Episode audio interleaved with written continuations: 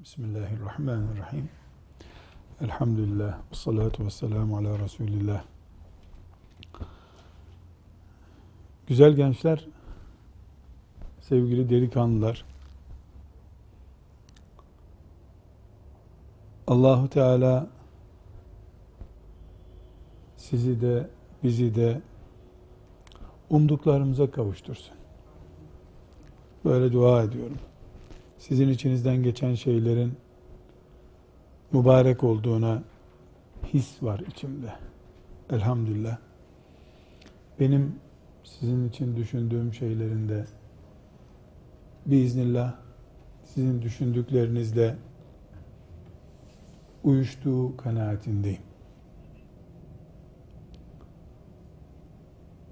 Değerli gençler, sizinle iki şey paylaşmak istiyorum.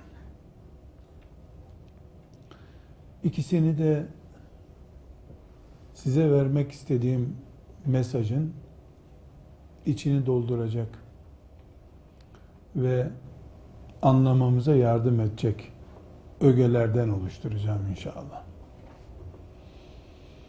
Biraz önce Fatih'ten İstanbul'un fethinden söz edildi. Üniversiteli delikanlılar olarak bir yığın matematik sorusu çözmüş. Türkçe cümleler kurarak imtihan kazanmış gençlersiniz. Fatih'in İstanbul'u fetheden adam olduğunda Murad'ın oğlu Mehmet isimli çocuğun, gencin İstanbul'u fetheden adam olduğunda bir şüphemiz var mı? Tarih. Mesela Yıldırım Beyaz da aslında fethetmişti de işte Mehmet'in medyatik gücü vardı. Medyatik gücünü kullanarak bunu kendine mal etti. Böyle bir tartışma var mı acaba?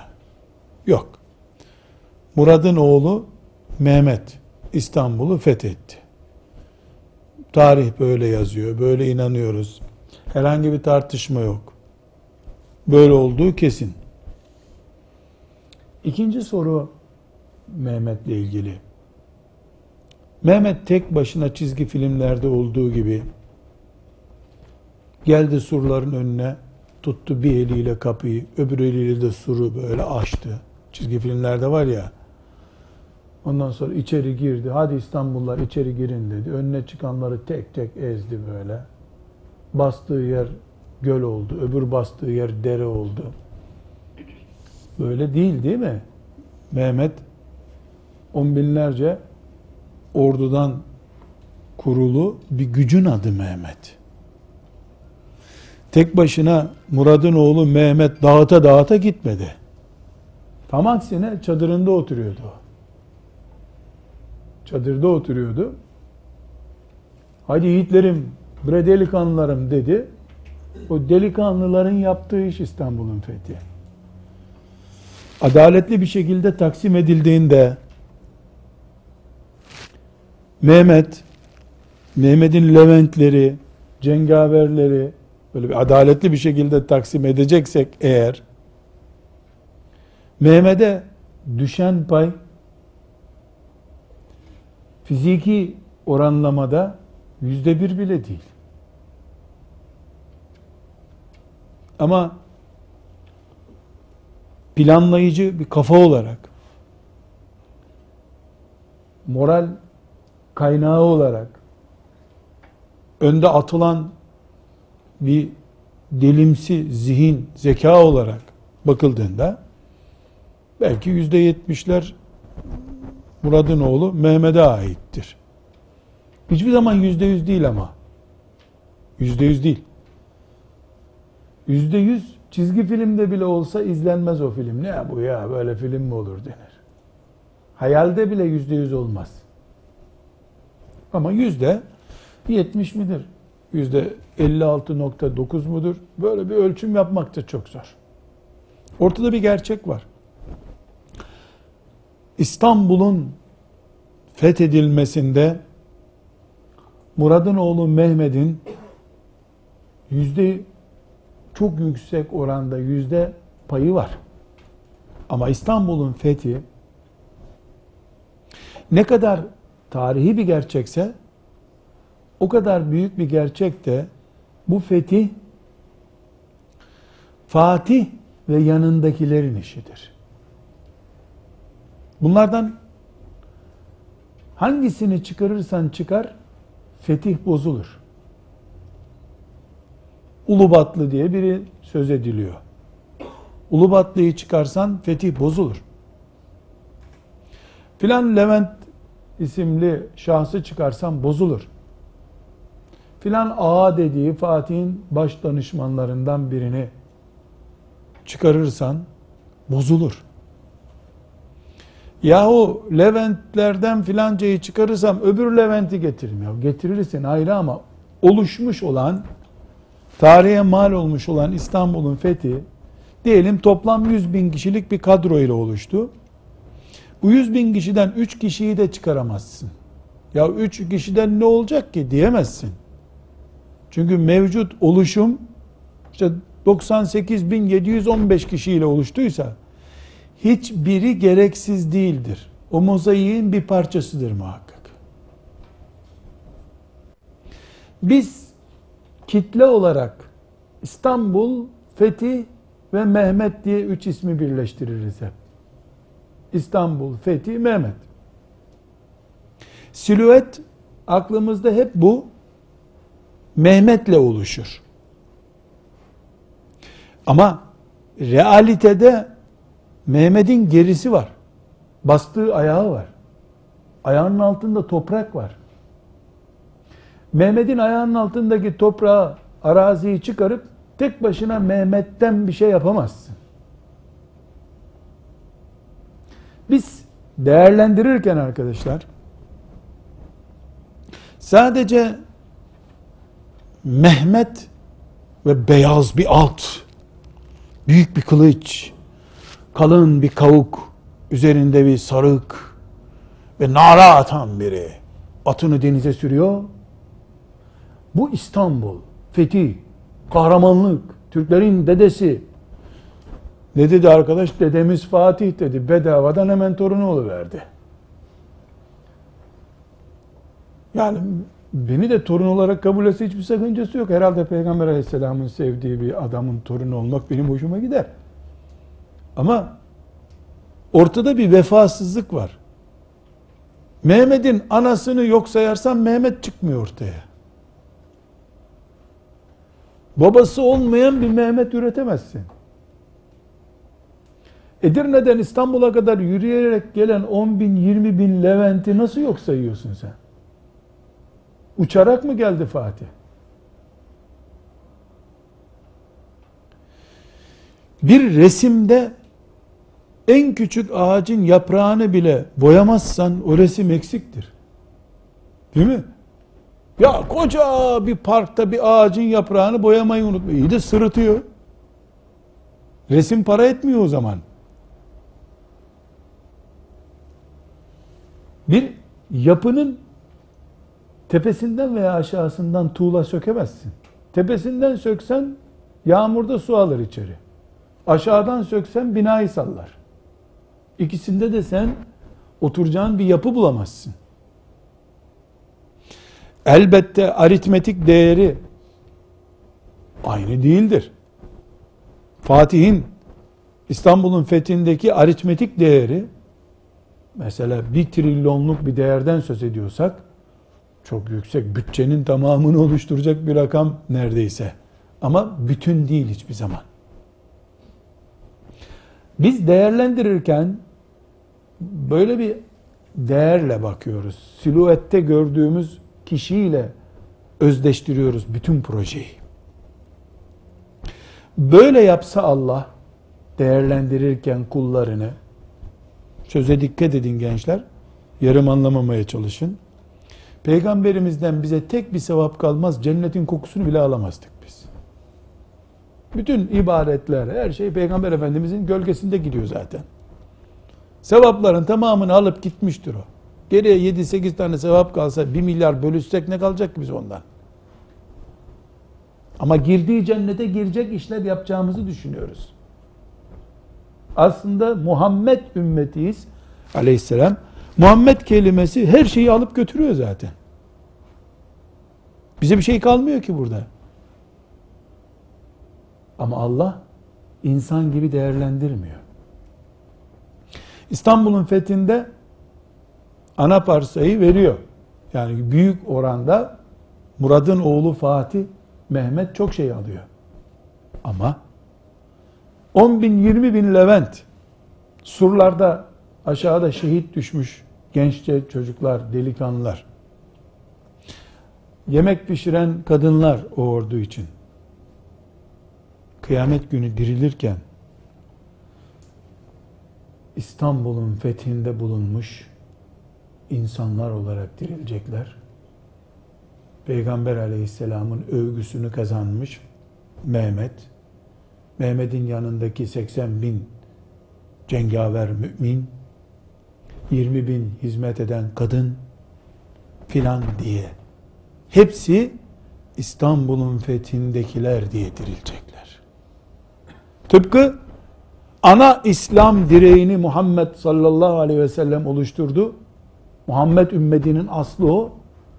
Ben bu ümmettenim diyen herkesin ümmeti Muhammed şerefiyle dirileceği gibi. İslam böyle bir din. Burada duruyoruz. Dosya numarası bir bitti. İkinci dosyaya geliyorum. İki şey konuşacağız dedik. Sonra toparlayacağız dosyaları. Ev ödevi verip gideceğiz inşallah. Gençler, hepimizin bildiği tabii bir gerçektir ki köpek konuşmaz. Konuşsa insan olur zaten. Köpeğe 3-4 tane slogan öğrettirilebilir. Papağana filan.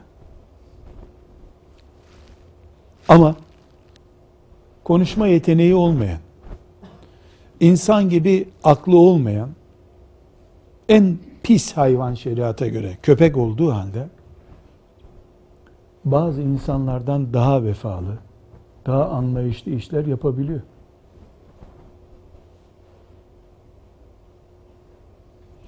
Bir köpeğe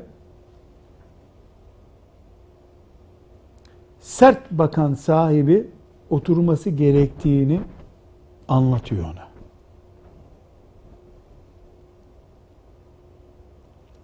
Esnek bir şekilde otur derse oturmuyor hayvan. Sert sert bakıp otur deyince oturuyor. Sahibiyle yürürken hızlı yürürse sahibi ona ayak uyduruyor, hızlı yürüyor.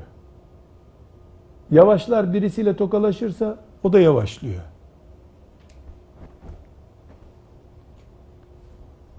İnsan değil, konuşma yeteneği yok. İnsan gibi beyni yok. Ama köpek bile ekmeğini yediğine ayak uydurabilir hale getirilebiliyor. Bunun için de köpekleri dershaneye falan gönderdiklerini zannetmiyorum. Köpek iki şeyden etkileniyor. Birincisi kendisi gibi diğer köpeklere bakarak adam oluyor. Deyim yerindeyse. Köpek köpekten etkileniyor. Onun için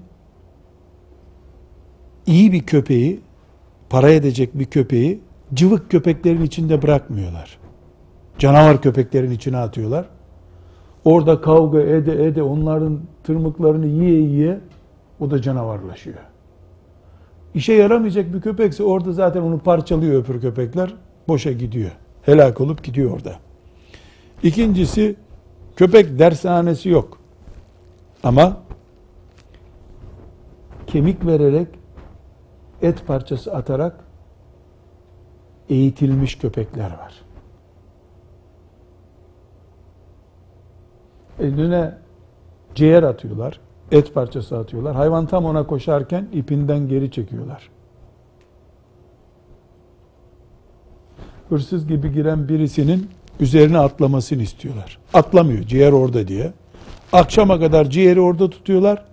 İpini de salmıyorlar. O orada bekliyor.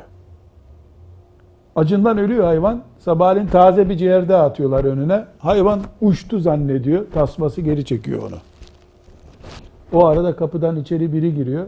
Tut tut tut, tut diyorlar. Hayvan verin ciğeri tutayım diyor adeta. Akşama kadar aç kalıyor tekrar.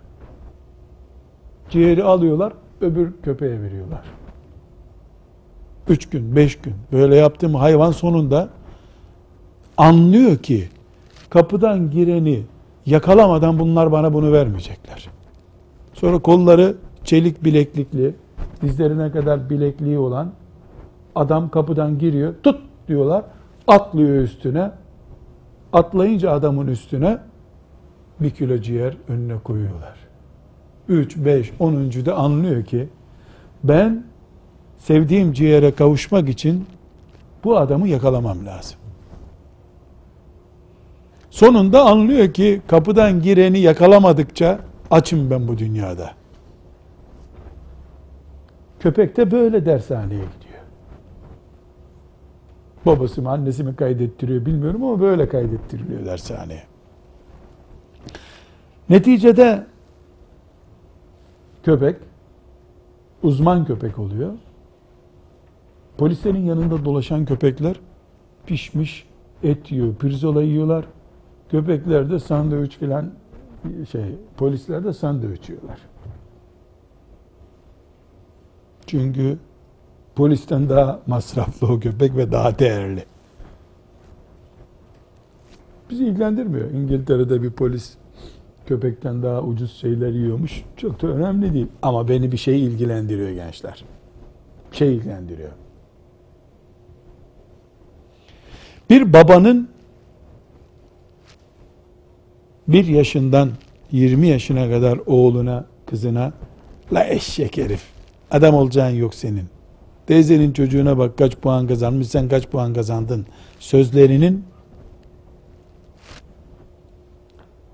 bir insanın yarın ne olacağına dair çok büyük etkisi olduğuna inanıyorum.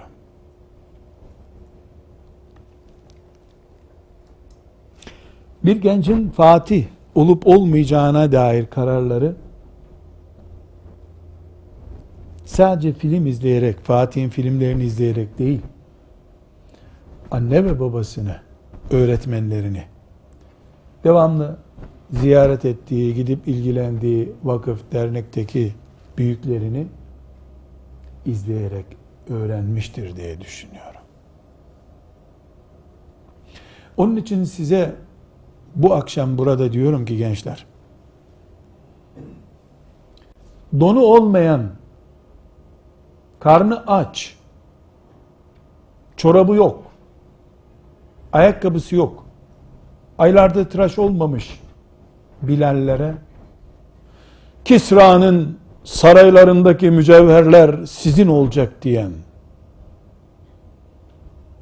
peygamberin ümmeti olarak size sadece üniversitede okursanız bir iş kazanırsın, ey bir kızla da bir damatla da evlenirsin diyen insanlardan uzak durun. Senin peygamberin aç ümmetine sarayları hedef gösterdi. Putperest müşrik ümmetine cennette altından ırmaklar akan köşkleri örnek gösterdi. Siz Müslüman çocuğusunuz. Babalarınız müşrik değil. Karnınız aç değil. Size asgari ücretle çalışacağınız bir iş hedefi gösteriliyor. Ümmet olarak geri çekiliyorsunuz.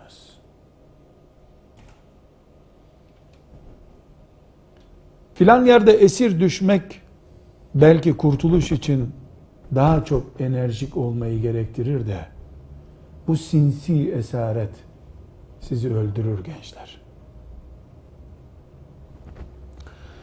Büyük adam olmak için size olabileceğinizden daha büyük hedefler gösterilmesi gerekiyor.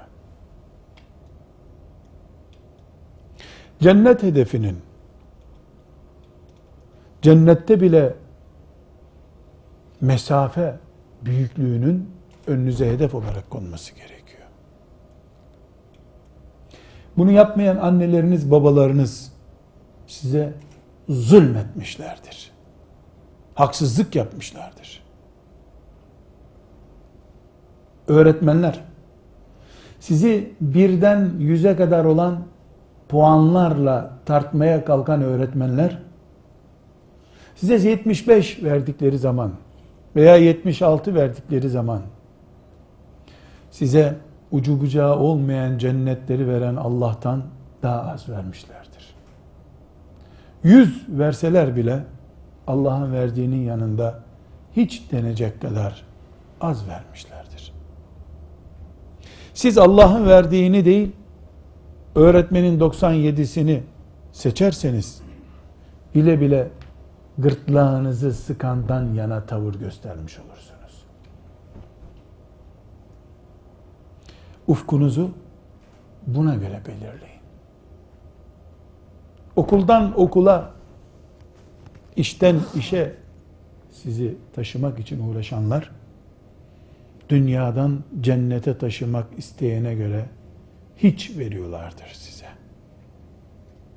Hangisini hak ettiğinizi ve hangisini istediğinizi belirleyin. Birinci dosyaya tekrar döneceğim şimdi. İçinizden bir ses diyecek ki size veya o sesin yansıtıcısı anneniz, babanız, arkadaşınız size diyecek ki tamam da bir tane Fatih var. Sen nasıl Fatih olacaksın ki? E sen günde iki kitap okuyamıyorsun. Üç satır makale yazamıyorsun. Olacak bir şey değil bu. Deyi verir. Hazır olun. Ona da cevabım var. Zaten sen üniversitede de özeli zor kazandın. Özelde de işe yaramaz bir bölümü kazandın. E kızların da seni beğenmeyeceği belli bir şey. E böyle kuru vaatlerle olmuyor bu işler. Deyiverir. İçerideki parazit yankı.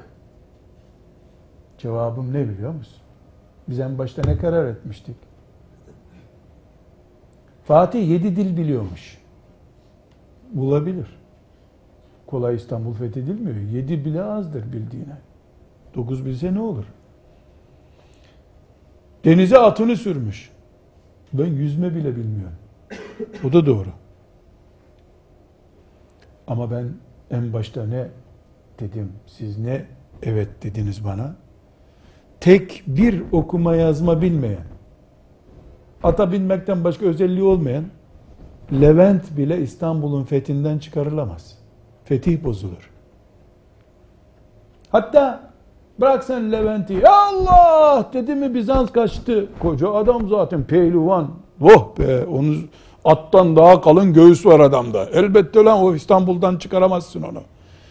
Leventlerin kazanlarında patates soyan teyzeleri çıkarabilir misin fetihten? Aç Leventler o mızrakları nasıl savuracaklardı? Kılıç görünce ya Allah deyip korkudan ölen kadını bile çıkaramazsın fetihten. Aç kalır İstanbul'u fetheden Leventler yoksa.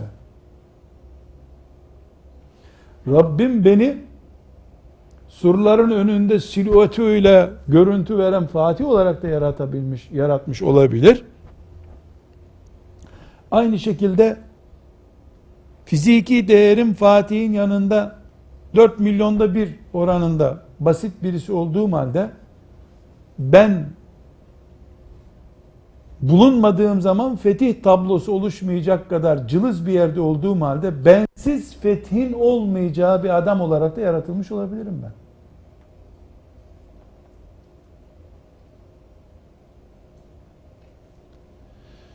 Yüz kiloluk bir insanı yere deviren bir mikrobun gramajı bile ölçülemez değil mi? Onu ayağa kaldıran miligramla ölçülen bir hapın içindeki diriltici güç de Grama gelmeyecek kadar küçüktür. Onun için Allah beni Fatih yaratmamış olabilir. Yaratmadı da nitekim. Bensiz de fetih olmuyor ama. Şeytan ise meşgul ederken, çökertirken, tipe bak lan bir defa. Sen Fatih'in atının ayağı kadar yoksun. Ne konuşuyorsun? Der. Fatih'in ayağının altında ezilen atın nalı olmasa Fatih de olmuyor ama. Nal da küçük bir demir parçası. Allah'ın yarattığı düzende gereksiz hiçbir şey yoktur. Ebu Cehil de dahil. Ebu Cehil de gerekli. Ebu Bekir'in darasıdır Ebu Cehil. Ebu Cehil gibi bir kıvam, Ebu Bekir gibi bir kıvamın ne olduğunu öğretmiştir. Bunun için gençler sözlerim bitti. Dersleri çalıyor kabul edebilirsiniz.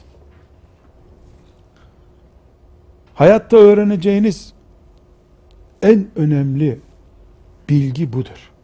Eğer büyük olmak istiyorsanız. Büyüğün kendisi değil, içini dolduran ham madde olabilirsiniz.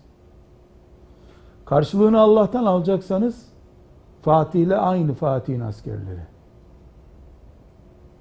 Dünyevi bir karşılık bekliyorsanız yani acil ve görkemli bir karşılık için mücadele ediyorsanız e biz ahiret hesaplı konuşuyoruz zaten.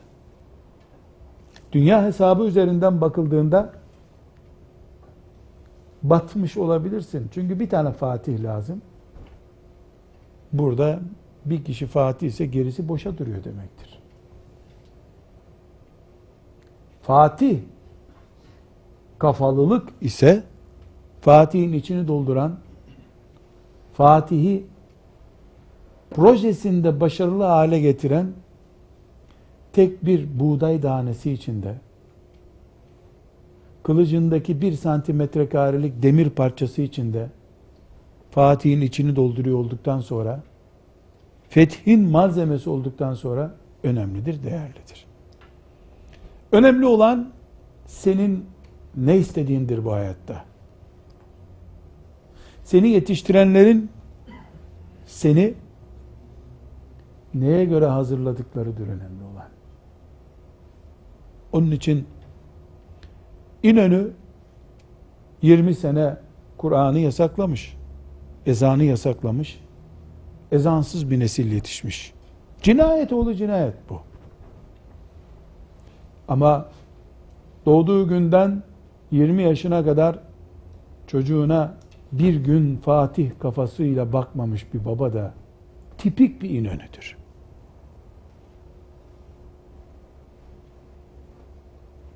Küçük kafalı çocuğunu küçültmek için uğraşmış 20 sene. İnönü bir simgedir. Şahıs değildir. Küfür namına nöbet tutmuş filan yıldan filan yıla kadar. O simgeyi pratiğe dönüştüren herkesin adı Ahmet de olsa yaptığı inönülüktür. 22 yaşında taptaze bir delikanlı. Bir vakıfta, bir dernekte, evinde, ümmeti Muhammed'in sana paradan fazla, petrolden fazla muhtaç olduğu bir zamanda sadece o vakfın iç hizmetlerinde kullanılmak üzere bayan olarak seçilmişsin. Sadece evlensin, iş sahibi olsun, bu yuvanın muruetini görülmüş bir delikanlısı olsun diye evinde, vakıfta, dernekte, cemaatte, şurada, burada hapsedilmiş genç. İnönü'nün zindanlarda çürüttüğü gençlerden farkı nedir? Biri Allah'ın izniyle şehit olup gitmiştir. Öbürü körü körüne gitmiştir ahirete. Zulüm İnönü'den veya İnönücülükten gelmiş bir şey değişmiyor ki. Bu genç Fatih'in içini dolduracak, fethin içine madde olacak kapasiteyle yaratıldığı halde helak olmuş gitmiştir. Benim geçmiş hayatımda yarım asrı yıllarca öbür tarafa devirmiş birisi olarak tahmin edersiniz ki onlarca, yüzlerce belki bir istatistik yapma imkanım yok ama binlerce diyebileceğim kadar arkadaşım oldu. Genç olarak onları kıskandığım, ya benden iyi bu filan diye imrendiğim kimseler de oldu. Bir kısmına imrenmenin ötesinde haset de etmişimdir çocukluk duygusuyla, gençlik heyecanıyla. Şimdi geriye doğru dönüp o kapasiteli arkadaşlarımın benden daha çok Kur'an'a vakıf olan, zekaları benden iyi olan arkadaşlarımın şimdi bir kısmıyla buluşuruz, konuşuruz, tatlı hatıralarımızı zikrederiz. Dönüp böyle elimiz şakağımızda geçmişi konuştuğumuzda bakıyorum ki nice cevher yüklü arkadaşlarım eşlerinin kurbanı olup helak olup gitmişler. Eşi onu yuvasının kuşu yapmış. Bu kadın için de geçerli, erkek için de geçerli. Evren kuşu olarak kıtadan kıtaya koşacak gençler bir evin bir odasından öbür odasına koşmuşlar yıllarca. Çok yakın bir zamanda beraber İmam Hatip Lisesi'nde okuduğumuz bir arkadaşımızla 3-4 ayda bir, bir çay için bir araya geliriz. Bu yakın dönemde benimle ilgili internette bir e, sataşmalar filan olmuştu. Bundan tesadüfen bir yerde buluştuk. Böyle muhabbet ederken baktım gözlerinde bu yaştan ne oldu? Ne oldu dedim. Hayır olsun. Sana bakıyorum da dedi. Benim ağlanacak halim yok dedim. Sen ne ağlıyorsun ki bana? Sana ağlamıyorum dedi. Beraber biz gençlik geçirdik. Sen şimdi küfrün karşısında güçlü bir Müslüman olarak duruyorsun. Beni küfür adam yerine bile koymuyor dedi. Benim derslerim senden iyiydi hatırlıyor musun dedi. Ne hatırlaması dedim. Seni haset bile ediyordum ben dedim. Ama akıbet öyle olmadı dedi. Bunun namına gerçekten ben de derin düşünüp üzüldüm. Çok iyiydi. Her şeyi çok iyiydi. Okulu bitirdi. Çok güzel yerler kazandı. Tenezzül ede de gitti okullara. Yani her istediği yere girebilecek durumu vardı. Girdi. Evlendi. Babası ona iş yeri açtı. Çok güzel de iş yeri var. Ama o değerlendirme onun lisanından bana geldi. Ben yapmadım bu değerlendirme. Benim onu değerlendirmeye vaktim de yok zaten. İhtiyacım da yok. Ama sonra gördük ki bir evin kuşu vermiş. Kanatlarında ümmetimi taşıyacak bir umut dua halbuki. Arapça hocamız bana da şeyh derdi, ona da şeyh derdi. Yani bir alim rolleri biçerlerdi bize. Onu babası şeyhliğe müsaade etmedi. Hemen evlendirdi, hemen iş yerine oturttu. Beni de Rabbim bu hale getirdi. İyi manasında söylemiyorum ama. Mevcut, işte insanlar dinimdeki bir bakışımdan dolayı bana sitem ediyorlar. O bundan etkilenmiş. Yani beni İslam namına cephenin önünde görmüş. İnşallah öyledir. Nice anneler babalar inönülük yapmışlardır. Namaz kıldıkları halde, oruç tuttukları halde. Kur'an'ımızın ifadesiyle evlatları onlar için fitne, onlar evlatları için fitne olmuştur. Kaybeden ümmetim oldu ama. Her ev kuşu haline getirilmiş genç ümmetimin zararı. Bir milyarın içinde bir çocuktan ne olur diyemem. Herkes, her ailenin bir çocuğu gidiyor zaten. 700 çocuklu bir ev yok ki. 2000 çocuklu bir ev yok ki. 2000 çocuklu kasaba bile yok neredeyse. Her evde bir çocuk var. Bilemedin iki çocuk var. Birini kaybetti mi, herkes birini kaybetme hakkına sahipse eğer, ümmetimin yüzde ellisi gidiyor o zaman. Kaldı ki birini kaybeden öbürünü kazanamıyor zaten. Kaybetmek zevkli hale geliyor çünkü. Onun için gençler, önümüze konan ciğerlerin fırsat olduğunu söylemek istiyorum. Allah fırsatlar koyuyor önümüze. Birileri bizi geri çekiyor. Cennet insana 300 kere fırsat olarak sunulmuyor. 300 kere Ebu Cehil'e sunulsa herhalde o da kazanırdı bu fırsatı. Bir kere sunuldu. O bir kere de inadı zirveye çıktı. Koca bir laf etti. Bir daha da ondan geri gelemedi. Bitti. Hepimiz Ebu Hanife olmakla, Halid bin Velid olmakla, sahabilik hariç,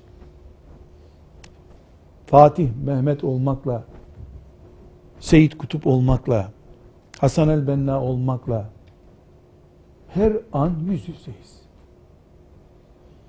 Hasan el Benna olmayabilirsin. İskilipli Atıf'ın kendisi olmayabilirsin. İskilipli Atıf'ın sarığını diken terzi de İskilipli Atıf'tı. Terzi sarık dikmese, kumaş dokumasa ne saracaktı? Rabbimiz niyetlerimiz ve umutlarımızla diriltecek bizi. Becerebildiklerimizle diriltecek olsa Hamza hiçbir şey beceremeden gitti bu dünyadan. Peygamberinin devletini bile ayakta tutamadı. Ama seyyidü şüheda olarak dirilecek biiznillahü teala. Onun için gençler ciltler dolusu tefsir okumanız gerekmiyor. Bu ruhu okuyun. Büyük adam olmak ruhu. Büyük adamların projesinde en basit de olsa bir iş yapma. Göklerde süzülen bir uçağın hangi parçası değersizdir? Hangi camı kırılsa uçağın zararı olmaz. 50-60 tane küçücük camcıkları var orada. Hangisi kırılsa hiçbir sıkıntı olmaz. Uçakta bir parçaysan sen hep değersin zaten. Kıymetlinin kıymetsiz parçası olmaz. Namazın dört rekatlık öğle namazının hangi parçası kıymetsiz? Üçüncü rekatı değersiz olabilir mi? İkinci rekatı stoktan kullanırız diyebiliyor musun? Namaz öğle namazıysa her rekatı, her secdesi aynı kapasitede. Abdest namazın ikinci rekatında abdestsiz olabilir denebiliyor mu? Abdest aslında bir ibadet değil ama namazın altını doldurduğu için namaz kadar değerli. Gençler yüzlerce cilt kitaptan önemli küçük bir cümle zihnimize yerleşmesidir. Ben ümmetim için yeterim Allah'ın izniyle diyebilen koca bir kütüphanedir zaten kendisi. Sizi sadece vakıfları için, dernekleri için ipotek altına alanlar size zulmetmektedirler. Muhakkak vakıfa ve derneğe gideceğiz. Ama bir basamak olsun diye. Hiçbir vakıf ulaşacağımız gökyüzü değildir. Gökyüzüne tırmanırken basamağımız olabilir. Merdivenimizde bir sıra olabilir ancak. Ailemiz de bu. Anamızın babamızın kulları değiliz. Allah'ın kullarıyız. Anamız babamız Rabbimize giden yolda bizim güzergahımızdır sadece. Allah'a giden yolumuzu tıkatmadıkları sürece başımızın tacıdırlar. O kadar ama. Daha ötesi yok. Rabbim sizin ümmetimizi ayağa kaldırdığınız, büyük çalışmaları yaptığınız, umut olduğunuz, geleceğe ışık tuttuğunuz günleri görmeyi, O günlerde de bir arada olmayı bana nasip etsin. Size de nasip etsin. Ümmetimizin müstakbel duaları, müstakbel heyecanı olarak sizinle beraber olmanın heyecanını içimizde ebedi etsin. Velhamdülillahi Rabbil Alemin.